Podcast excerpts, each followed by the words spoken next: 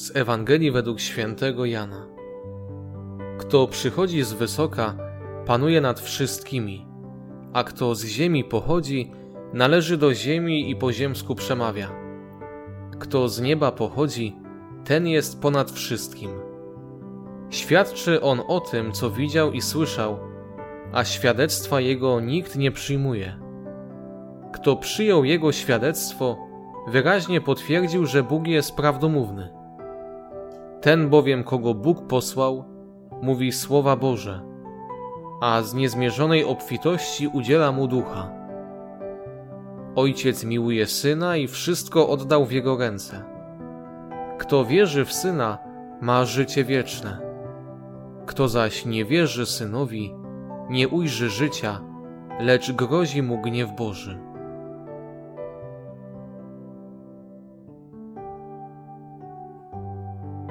Dzisiaj po usłyszeniu tego fragmentu Ewangelii nie będzie kazania, kto co powinien zrobić, ale będzie zachęta, aby spojrzeć na swoje życie.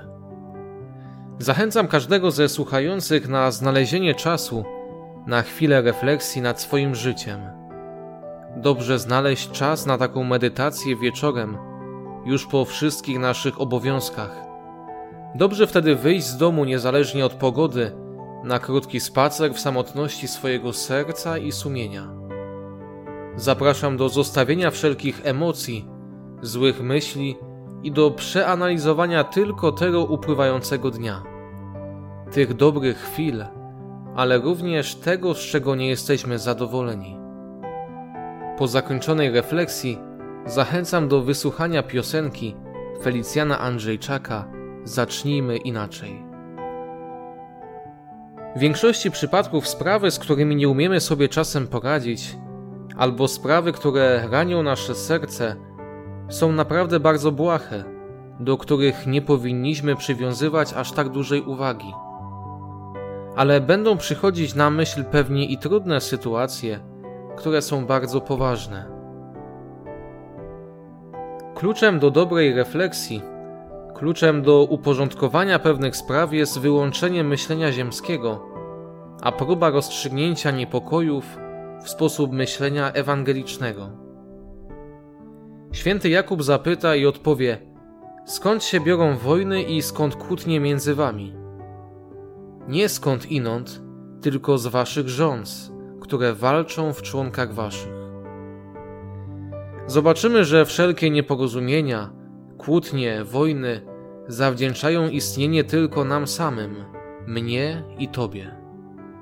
A przecież pogoń za pracą, pieniądzem, dobrami materialnymi, za tym, aby być lepszym od kogoś, czy pogoń za kimś, aby podłożyć temu komuś nogę zazdrości, nie prowadzi do szczęścia, lecz do przepaści.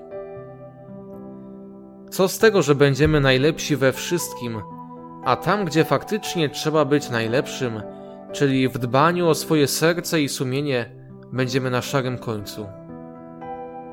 Walczymy w naszym życiu o drugie życie, o to, jak będzie wyglądać życie wieczne. Ale tak jak w skokach narciarskich, tak i tu na Ziemi, musimy zakwalifikować się najpierw do drugiej serii, rywalizując sami ze sobą o świętość.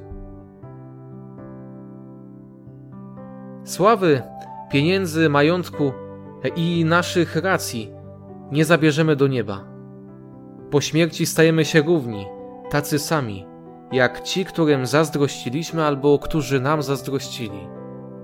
Będziemy leżeć na cmentarzu obok siebie, oczekując na zmartwychwstanie.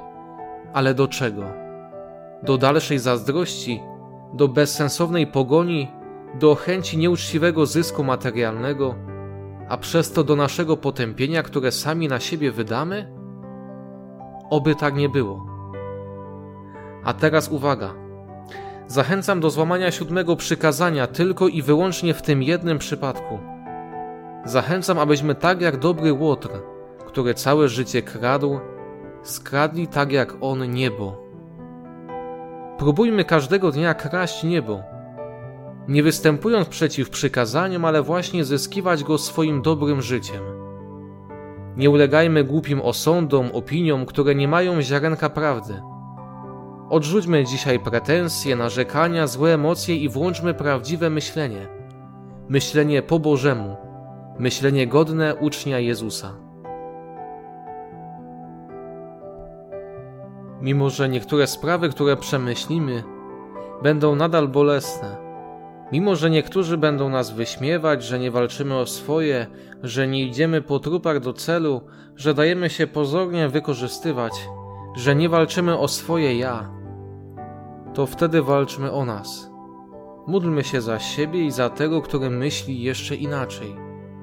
Módlmy się i dbajmy przede wszystkim o czyste serce i sumienie. Na sam koniec przytoczę słowa świętego Antoniego Pustelnika.